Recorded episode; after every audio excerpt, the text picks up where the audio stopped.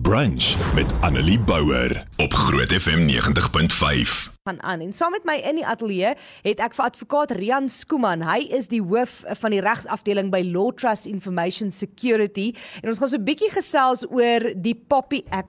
So ek wil net by jou weet Rian, um, is daar enige vrae wat ek vir jou gevra wat jy vir my gaan lag as ek nie as ek 'n dom vraag vra? Glad nie. Beloof. Ek beloof. Okay, so ek gaan sommer met die eerste ene wegspring. Ek wil by jou weet, wat is die Poppy Act? Want ons sien dit op Facebook, ons kry WhatsApps, ons sien dit op Twitter, dit maak vir ons mal, maar ek weet nie of ons almal noodwendig presies weet wat dit is. Verduidelik vir ons gewone mense, wat's die Poppy Act? Okay. Ehm um, POPI staan vir the Protection of Personal Information Act. So dit is wat POPI beteken. Maar in eenvoudige terme, dit is basies 'n wet wat daar gestel is om die persoonlike inligting van Suid-Afrikaanse burgers en ook besighede te beskerm. Met ander woorde, jou telefoonnommer, jou ID-nommer, daai tipe goeders, verstaan ek dit reg? Ja, telefoonnommer, ID-nommer, selfs jou naam, jou posadres, al daai goeders word as persoonlike inligting beskou onder POPI. Want want voor hierdie het dit gevoel asof almal het jou inligting oral want as jy inskryf vir enige iets of as jy antwoord op 'n SMS of op 'n Facebook ding dan het hulle daai inligting en dan kan enigiemand gebruik soos wat hulle lus het as ek reg. Ja. En ek dink dis miskien een van die miskonsepsies wat ons dalk eers kan oor praat. Dit is nog steeds so. So as jy besigheid gedoen het met iemand voor Poppy in werking getree het op 1 Julie hierdie jaar, mag daai mense aanhou met jou te praat en ander bemark aan jou tensy jy vir hulle sê dis nou tyd om op te hou, hou op. Maar enige iemand wat direkte bemarking wil doen, met ander woorde hulle wil vir jou SMS'e stuur of e-mails en so vir bemarking spesifiek vir jou, hulle moet jou toestemming vra na die eerste. Ah, jy sien. Ja. So ons gaan minder gebombardeer word deur mense en as ek dit reg verstaan, beteken dit sê nou maar 'n salespersoon bel my en ek sê vir hulle ek stel nie belang nie, haal asseblief my naam en my inligting van julle stelsel af, dan moet hulle dit doen. 100%. Hulle moet dit doen, maar hulle gaan met jou beklei en stry en sê hoorie so ons ons is nie in beheer hiervan nie. Ek bel jou maar net.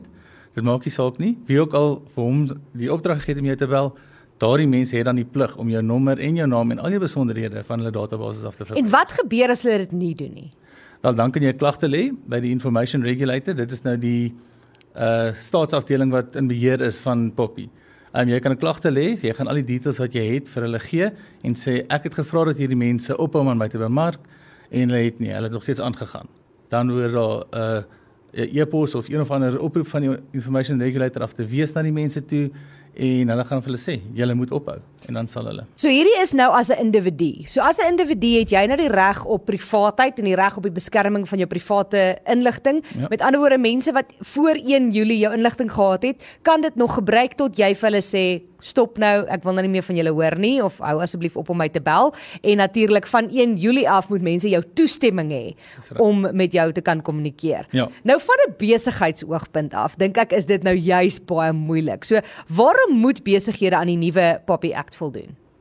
Wel vir vir een ding dis 'n wet. So ehm um, alle besighede moet aan die land se wette voldoen en dit is die hoofrede. Maar ook, jy weet, jy moet dink aan jou kliënte. En dit is iets wat jou kliënte van jou verwag. Jou kliënte gaan van jou verwag dat jy vir hulle omgee en as hulle nie wil hê jy moet hulle inligting gebruik op 'n manier wat onverantwoordelik is nie, dan is dit tog jou plig as 'n besigheid. So ek sê al moet jy nie aan voldoening as 'n as 'n plig of 'n taak dink nie, dink daaraan as kliëntediens. Want dan is dit ook baie makliker vir jou in jou besigheid om dan, jy weet, aan Poppy te begin voldoen. Dis een ding om te sê ons moet aan Poppy voldoen as 'n besigheid en as besighede in Suid-Afrika, maar dan kom daar nou weer klomp ander dinge daarmee saam. Ons het hier by Groot FM daaroor gepraat oor kubersekuriteit, want die probleem is ook as mense inligting steel by jou, gaan die verantwoordelikheid nou op jou val, is ek reg? 100%. So dit is baie belangrik en ek dink alhoewel kubersekuriteit en Poppy twee verskillende goed is, val dit baie saam. Um een van die beginsels onder Poppy is dat jy sekuriteitsmaatreëls in plek moet stel om persoonlike inligting te beskerm en ek dink jy weet dit is waar kubersekuriteit in plek kom. Dink byvoorbeeld aan goed soos e-posse. Die grootste rede vir kom ons noem dit sekuriteit breaches in besighede is 'n e-pos wat vir die verkeerde persone gestuur word. Nou stuur jy e-pos vir iemand wat met 'n uh, hele database vol kliënte inligting weet mens tik 'n naam in in in jou Outlook en dan Ja, dit dan gebeur baie met my want ons is 'n ons is twee, ek is Annelie en ons het 'n Anne Marie. So ek kry baie keer van haar e-posse en sy kry baie keer van my e-posse. Ja, en die volgende oomblik is daai e-pos daar buite en nou is jy aanspreeklik. So ja, kubersekuriteit. So jy weet, ons moet kyk na daai tipe van goed. Wat se goed het ons in plek om ons e-posse te beskerm, miskien te enkripteer? Wat doen ons met ons rekenaars as ons wegstap van die rekenaar? Gebruik ons net 'n password of enkripteer ons daai daai rekenaars? Wat doen ons met ons selfone? Baie van ons gebruik ons selfone vir werk en jy weet, lê hy net rond, um, is hy beskerm? Gebruik ek 'n vingerafdruk of my gesig of iets om hom oop te maak? Al daai tipe van goeders is goed van besighede nou moet begin dink en die kubersekuriteitsprodukte in die hande kry wat kan help met hierdie voldoening aan Popia. Kuberveiligheid is baie belangrik en ons het nou so vinnig genoem hoe dit kan help want daar is verskillende maatreëls wat jy kan kry. So basies gaan besighede moet verantwoordelikheid vat en hulle gaan moet maatskappye kry wat weet hoe hierdie goed werk om hulle te help met hierdie sekuriteit, is ek reg? Ja, definitief. So daar's 'n klomp goeders wat jy natuurlik vir jouself kan doen. Ehm um, een van die belangrikste goeders is lei jou werknemers op. Weet hulle wat Poppy is? Weet hulle wat hulle moet doen as hulle persoonlike inligting kry?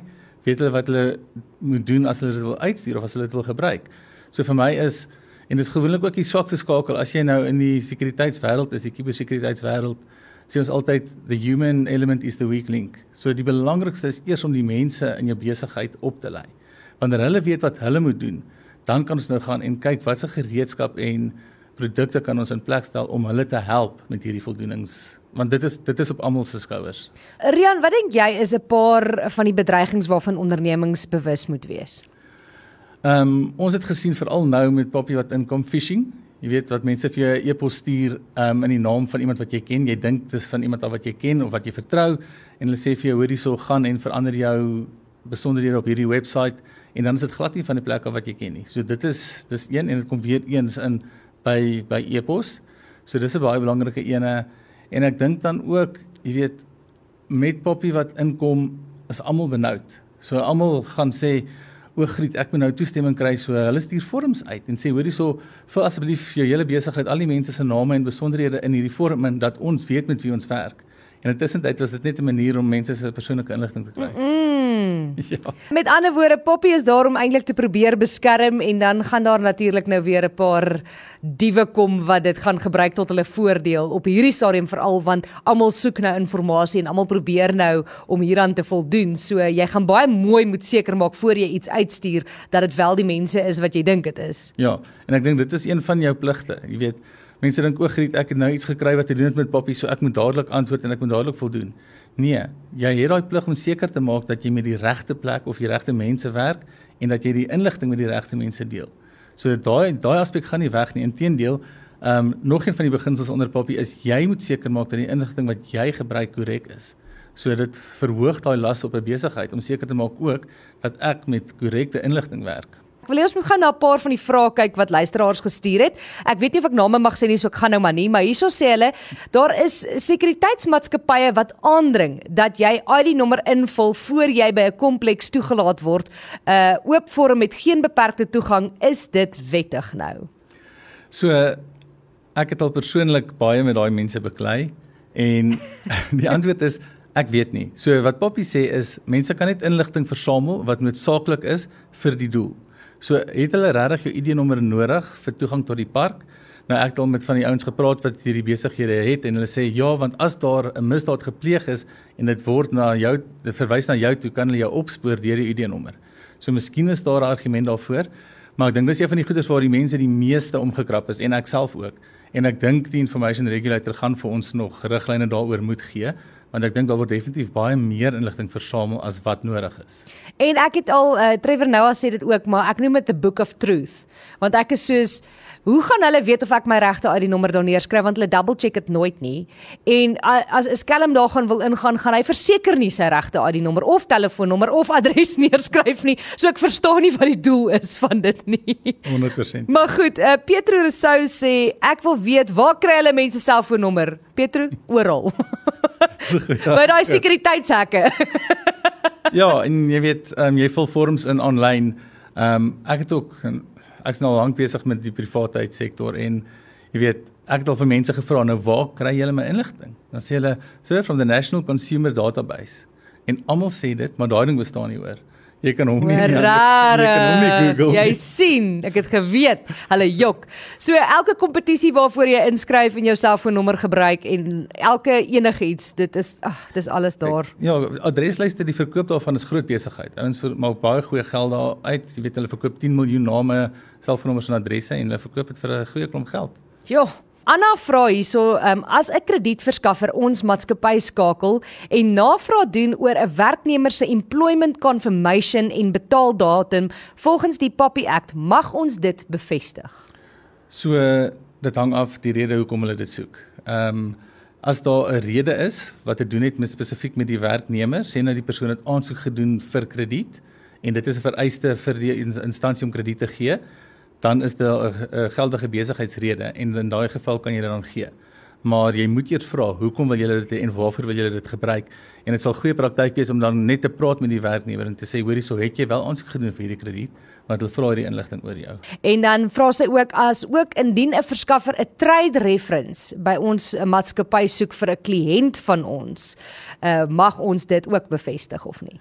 Uh dit hang van julle af. Julle hoef nie, maar julle kan. Ehm um, onthou net Poppy, as jy inligting bewillig, dan het jy volgens Poppy gesê ek is bereid vir hierdie inligting om publiek beskikbaar te wees. In hierdie geval glo ek nie dis publiek nie. Ek glo dit word beskikbaar gemaak vir wel 'n besigheidsdoeleinde. En ons moet baie mooi onderskei hierso. Ehm um, jy weet baie mense praat oor Poppy en jy mag nou niks meer inligting deel nie en so aan. Maar as die inligting nodig is vir 'n besigheidstransaksie of vir besigheid om nog gewoonweg aan te gaan, dan mag jy daardie inligting deel in daardie omstandighede. Uh, want dit gaan oor persoonlike inligting, nie noodwendig besigheidsinligting nie, is ek reg? Jy is reg, maar Poppy is een van die min wette wêreldwyd op privaatheid wat wel besighede insluit. So besighede het dieselfde regte onder Poppy as wat individue het. O, oh, wow. Ja. Iemand sê hierso gaan die Poppy Act nie ook daaroor dat jy nie 'n foto of video sonder 'n persoon se toestemming mag versprei tensy dit in 'n kriminele klag vir bewyse mag indien nie. Jong. Dis baie snaaks want ehm um, die information regulator het onlangs met die foto's van Jacob Zuma uit die tronk uit het hulle onlangs 'n ding uitgestuur gesê jy mag dit nie doen sonder die persoon se toestemming nie. Nou die van ons wat in die praktyk staan, ons verskil van hulle, want daar is gevalle waar ons voel jy dit wel mag doen. Die media gaan dit veral 'n manier moet kry om dit te kan doen, anders gaan hulle nie meer kan bestaan nie. Wel een van die uitsluitings is media byvoorbeeld wat hulle nie genoem het nie. Ehm um, ook goeie soos as dit in die openbare belang is ensovoorts en huishoudelike gebruik. So as dit my vakansiefoto's is en daar's foto's van vreemdelinge daarop, glo ek vas daai inligting kan jy deel of daai foto kan jy deel. Okay. En dan ek dink so laaste ene hierso want ons hardloop bietjie uit tyd uit. Madeleine sê ek wil graag weet. Ek gebruik en dis weer foto's. Sy sê ek gebruik foto's van my kliënte van items wat ek gemaak het wat my kliënte my toestemming gegee het om vir bemarking te gebruik. Hoe beskerm ek myself en my kliënte dat hulle foto's nie afgelaai word of gekopie word nie? Ek dink nie dis moontlik nie. Ja, kyk jy jy het die regte ding gedoen deur hulle toestemming te kry. So jy is beskerm as 'n besigheid. Maar om te keer dat daai foto's gekopie en afgelaai word, dit is onmoontlik. Ehm um, daar's geen program wat dit kan keer nie. Ek bedoel, ek kan dit op my rekenaar kyk en met die beste sekuriteit kan ek nog steeds uh, met my selfoon 'n foto neem van daai rekenaar. Ja. So dit is is onmoontlik om dit te beskerm. Sorry Madeleine. Okay, Rian, ek dink daar's nog so baie vrae wat inkom. Ek sien hier's nog baie vrae, maar ongelukkig het ons tyd so 'n bietjie uitgehardloop. Maar ek dink ons het die basiese hiervan probeer uh, cover. Ons het gesê dat wat jy moet weet, jy kan mense aangee as hulle um, jou inligting gebruik sonder jou toestemming. Jy kan vir besighede sê om op te hou om jou te bel want iemand het ook oor 'n sekere maatskappy gepraat wat ons almal ken wat jou baie bel want hulle kry jou inligting by jou vriende. Dis die een vraag wat ek nog het. Mm. Hierdie maatskappye, uh, hierdie spesifieke maatskappy weet ek, het my nommer want 'n vriend, ek het al my vriende uitgehaal. Ek het al vir hulle gesê jy gee nie my nommer vir iemand nie, maar want hulle het my nommer by vriende of familie gekry. Hoe werk dit dan? Ja, so weer eens daar is mense wat verskil daaroor. Ek glo hulle is ook verantwoordelik onder Poppy. Hulle mag nie daai inligting vir 'n besigheid gee nie, veral as hulle dit vir bemarking wil gebruik. Hulle kan wel vir jou vra, kan ons jou inligting deel? En as jy sê ja, dan mag hulle. Maar soos jy nou gemaak het en gesê het jy gee dit vir niemand nie, dan glo ek nie hulle het die reg om te doen nie. Met ander woorde, jy kan jou vriende en familie ook gaan aangee, nee, moenie asseblief. Groot moeilikheid. Maar moenie mense se inligting deel nie. Punt klaar.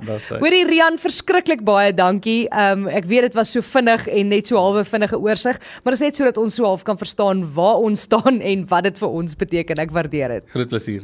Annelie Bouwer, weekoggend tussen 9 en 12 op Groot FM 90.5.